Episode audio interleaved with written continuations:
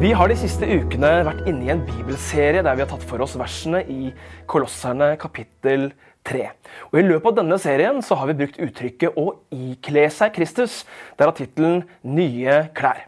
For Paulus han ber oss altså om å ta av oss syndens gamle klær og kle oss i frelsens nye klær som er nåden, rettferdiggjørelsen og helliggjørelsen som bare Jesus Kristus kan gi. Og i dag så tar vi for oss Klosserne 3, vers 12-17. Men la meg begynne med å stille deg et spørsmål. Hvordan ser en kristen ut? Kan du se det på klærne? Kan du merke det på oppførselen? Kan du høre det på språket? Eller kan du kjenne det på lukta? Trollet i eventyret sier jo at han kunne lukte kristenmannsblod, og er det virkelig sånn? At man kan skille kristne fra andre basert på visse karakteristikker. Jeg husker godt jeg fikk det konfronterende spørsmålet på ungdomsskolen er du kristen, eller? Og jeg var frimodig nok til å si ja, men såpass usikker på konsekvensene av det svaret at jeg fort la til men jeg er akkurat som alle andre, altså. Stort sett så levde jeg godt med kristenmannsstempelet, men noen ganger så var jeg lei av å bli sett på som annerledes, og gjorde derfor det jeg kunne for å forsikre klassevennene mine om at jo da, jeg var ikke så annerledes som de kanskje skulle tro. Folk som følger noen, tjener noen eller tror på noe, de kler seg ofte på en måte som viser andre hvem de følger. For klær det sier noe om identitet og autoritet og tilhørighet. og Selv om det hender at også kristne kler seg i kristne klær, så kan kristne være vanskelig å få øye på, for de fleste av oss kler oss jo akkurat som alle andre. Men kanskje er det sånn at kristne ikke bør være som alle andre. Og da snakker jeg ikke først og fremst om det ytre. Nei, da snakker jeg om kjennetegn som gjør at man kan gjenkjenne en kristen. At det lukter litt kristenmannsblod når du går forbi. Så hvordan ser en kristen ut? I Kolossebrevet 3 vers 12 så gir Paulus oss en beskrivelse. Han sier dere er Guds utvalgte, helliget og elsket av ham. Kle dere derfor. Og så kommer Paulus med fem kjennetegn på hvordan en kristen skal se ut. Dette er måten du kjenner igjen en kristen på, sier Paulus. Dette er slik en kristen skal kle seg. Kle dere derfor. Og så fortsetter han i inderlig medfølelse. Og vær gode, milde, ydmyke og tålmodige. Sånn skal en kristen se ut, ifølge Paulus. Men om vi er ærlige, er det egentlig sånn? For medfølelse, godhet, mildhet, ydmykhet og tålmodighet er kanskje ikke det første alle forbinder med kristne, eller? Selv om det selvfølgelig finnes mange gode unntak, så vet jeg med meg selv at dette ikke alltid er realiteten. Men Paulus er opptatt av at når vi nå har kledd oss i Kristus, så må det få en konsekvens for hvordan vi lever, hvordan vi ser ut, og hvordan det lukter av oss. Er budet Jesus ga til disiplene, at de skulle elske Gud av hele sitt hjerte og hele sin sjel. Og at de så skulle elske sin neste som seg selv. Frelsen er gitt oss. Vi er ikledd Kristus gjennom Hans nåde. Men det vi har fått, skal vi også gi videre. Fordi Guds kjærlighet er til for å deles. Det samme ser vi i denne teksten, at det var Gud som tok det første skrittet ved å utvelge, hellige og elske oss. Og derfor, sier Paulus, derfor skal også vi gjøre det samme. Vi elsker fordi Gud elsket. Og det skal synes ved at folk ser hvem vi følger, gjennom hva vi har på oss. Og dette har motebransjen forstått, at kjendiser, influensere og personlige anbefalinger det er den beste reklamen og at vi påvirkes i enda større grad når produktet ikke framstår som reklame, men som influenserens eget personlige valg. Og så kjøper vi klærne, fordi vi jo også så gjerne ligner dem vi følger. Og litt sånn tenkte Paulus også. At den beste reklamen for Jesus måtte være mennesker som tror på Jesus, og av egen vilje kler seg i sin tro og bærer den med seg inn i sin hverdag. Og at vi gjennom måten vi snakker, lever og handler på, forteller om ham vi tror på.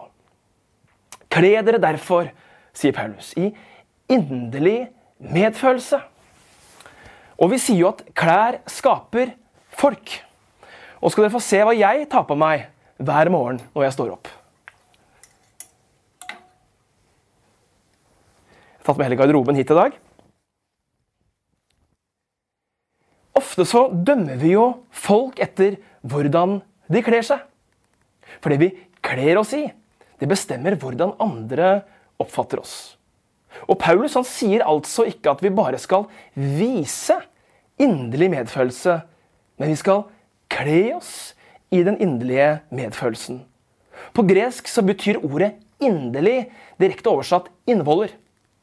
Og Grekerne så på innvollene som stedet der følelsene satt. og Der vi på norsk sier 'jeg elsker deg av hele mitt hjerte', så sa grekerne, og dette er litt ekkelt, de sa 'jeg elsker deg med alle mine innvoller'. Du skal kle deg, sier Paulus. Kle deg med en medfølelse som ikke er overfladisk, men med en medfølelse som treffer deg i magen. I innvollene her nede. Vi nordmenn vi er regnet blant de mest gavmilde folkeslagene i verden fordi vi har mye å gi. Men gjør det oss inderlig medfølende? Det er ikke veldedighet Paulus snakker om her. Han snakker om en medfølelse som setter seg i magen, og som vi ikke kan kjøpe oss ut av eller unnskylde oss bort fra. En inderlig medfølelse som blir en del av oss, og som skal synes gjennom hvordan vi lever. Det neste vi skal kle oss i, sier Paulus, det er godhet. Når viste noen deg sist godhet? Og hva fikk det deg til å føle? Godhet er for meg når jeg får noe jeg innerst inne vet jeg ikke har fortjent. Og på den måten så blir godhet nåde i praksis. Og det gjør godheten både så overrumplende og så livsforvandlende. Og Paulus han ber oss i praksis om å kle oss i de samme tingene som karakteriserte Jesus selv. Og vi kan ikke treffe bedre enn her, fordi at Jesu liv handlet om å strekke ut en hånd, gå en ekstra mil og få folk til å kjenne seg elsket. Hvorfor? Jo, fordi han ga dem mer enn de hadde forventet. Og han ga dem mer enn de hadde fortjent. Og denne godheten som Jesus selv viste oss, den skal vi kle oss i, sier Paulus. Det er ikke vanskelig å være god mot dem vi liker, dem vi ligner, eller dem vi står nær, men vi skal også vise godhet overfor dem vi ikke synes har fortjent det. For det er nettopp da godheten kan sette sine dypeste spor i et annet menneske. Og så sier Paulus at vi skal kle oss i mildhet. Og her synes jeg Paulus begynner å gjøre det vanskelig for oss. Om du tenker at jeg framstår med mildhet, så skulle du bare sett meg bak rattet. Jeg skulle kjøre hjem etter å ha talt i Filefa-kirken Majorstua for en stund siden, og jeg tror jeg hadde talt noe om å leve et liv i tilbedelse. Og da jeg kommer til Majorstukrysset, så krysser et par halvfulle sunnmøringer veibanen utenfor fotgjengerfeltet, så jeg må bremse hardt for å ikke treffe dem. Og jeg ruller ned ruta umiddelbart og skriker av full hals 'Se hvor dere går hen, da!' Samtidig som jeg ropte, så så jeg at fortauet på den andre siden av gata var fullt av folk som var på vei hjem fra gudstjeneste i Flefjellkirken Majorstua. Og Jeg rullet opp ruta så fort jeg kunne, tråkket inn gassen og ba en stille bønn til Gud om at han skulle la dem glemme. Å være mild. Det handler om å tilpasse sin styrke til situasjonen. Det er som forskjellen mellom å løfte opp en tung stein eller å plukke opp en kontaktlinse. Noen ganger må vi bruke kraft, andre ganger så må vi være varsomme for at noe ikke skal gå i stykker. Når vi er milde, så velger vi å møte mennesker der de er, framfor å møte dem der vi er. Milde mennesker sier at du blir møtt av meg, er viktigere enn at du blir imponert av meg. Og så blir dette bare verre, for det neste Paulus ber oss om å kle oss i, det er ydmykhet. Og er det noe vi er stolte av, så er det jo selvfølgelig vår egen ydmykhet. Er det ikke det? Det finnes mange misoppfatninger om hva ydmykhet er.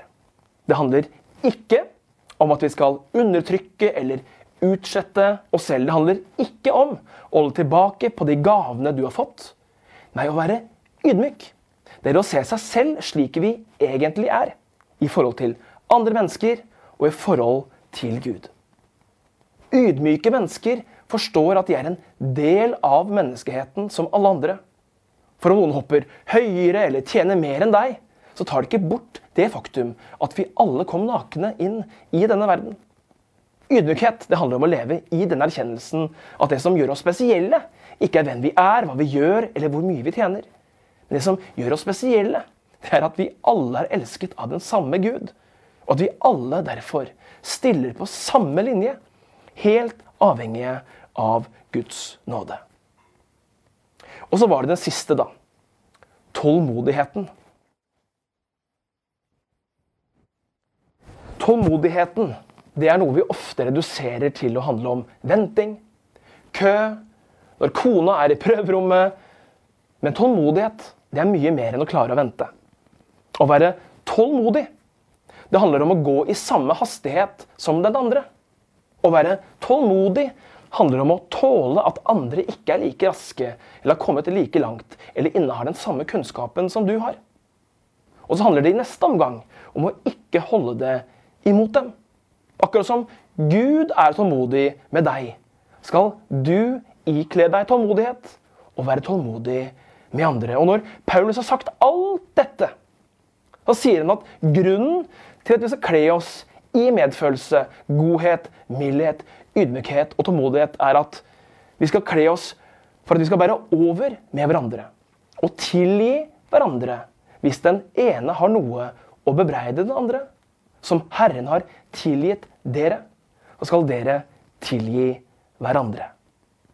Han sier det som Jesus alltid sa. Tilgi slik du er tilgitt. Elsk slik du har blitt elsket. Vær nådig slik du har mottatt nåde. Vis medfølelse slik du har blitt vist medfølelse. Vær tålmodig slik Gud er tålmodig med deg. Paulus han ber oss bare om å gi videre det vi selv har blitt gitt allerede. Og så står det Og overalt dette kle dere i kjærlighet. Kjærligheten som er båndet som binder sammen og gjør fullkommen. Kjærligheten er selve overbygningen. Den er opphavet til og oppsummeringen av alt vi nå har listet opp. Og disse tingene virker jo greie nok når vi er i kirken, eller er sammen med gode venner, eller viser vår beste side i et jobbintervju. Men hva med de gangene vi blir presset. Begeret renner over, økonomien svikter, relasjonene våre hangler, søvn mangler, eller halvfulle sunnmøringer går midt i veibanen. Hva da? Hvordan skal vi fortsette å klare å være kledd i disse tingene? Det som gir meg en viss ro, det er hvem som sa det. Paulus han var kristendomsforfølgeren som hadde en utviklet nese for kristenmannsblod. Han gikk lenger enn de fleste i å pågripe og terrorisere kristne. Men han var også mannen som fikk sitt liv radikalt forvandlet av Jesus Kristus og begynte å følge den samme Jesus som han tidligere forfulgte. Han ble steinet, han ble banket opp, han forårsaket opprør, han led skipbrudd, han ble bitt av en slange. Han reiste rundt i hele middelhavsområdet og plantet menigheter. Han skrev størstedelen av Det nye testamentet. Og til slutt så ble han henrettet under keiser Nero i Roma. Og i dag så er vi kristne, mye takket være denne mannen. Paulus han fikk ikke alt dette gjort gjennom det han trodde eller tenkte, først og fremst, men gjennom forvandlingen i møte med Jesus Kristus. Han var forfølgeren som ikledde seg medfølelse. Han var den nidkjære som ikledde seg godhet. Han var den oppfarende som ikledde seg mildhet. Han var den stolte som ikledde seg ydmykhet, og han var den resultatorienterte som ikledde seg tålmodighet. Og det er ikke naturlig. Ikke for meg, antagelig ikke for deg. Men selv om det ikke er naturlig, så er det like fullt mulig. Kle dere, sier Paulus. Og dette er noe vi står opp om morgenen og tar på oss, sier han. Det er et valg, en prosess. Men det kan ta tid. Men når vi lar livene våre filtreres gjennom dette, så betyr det at vi kanskje må gire ned stanse opp og tilpasse tempo og styrke etter den vi går sammen med. Men forskjellen skjer i relasjonene dine og ekteskapet ditt og blant vennene dine og på jobben din når du kler deg. Hvordan unngår vi at dette ikke blir nok en religion som avhenger av vår innsats. Det er jo nettopp en sånn gjerningsreligion som Paulus tar et skarpt oppgjør med i kapittelet før. Når Paulus starter sitt brev til kolosserne, så roser han dem for deres kjærlighet i ånden. Og så ber han om at de må bli fylt av kunnskap om Guds vilje, og få all den visdom og innsikt som ånden gir. Og også her kommer ånden oss til hjelp. Og jeg må si at disse tingene som Paulus ber oss om å kle oss i, det minner meg veldig om en annen liste som Paulus gir. Åndens frukter. Og frukt det kommer jo ikke ved at vi presser det fram.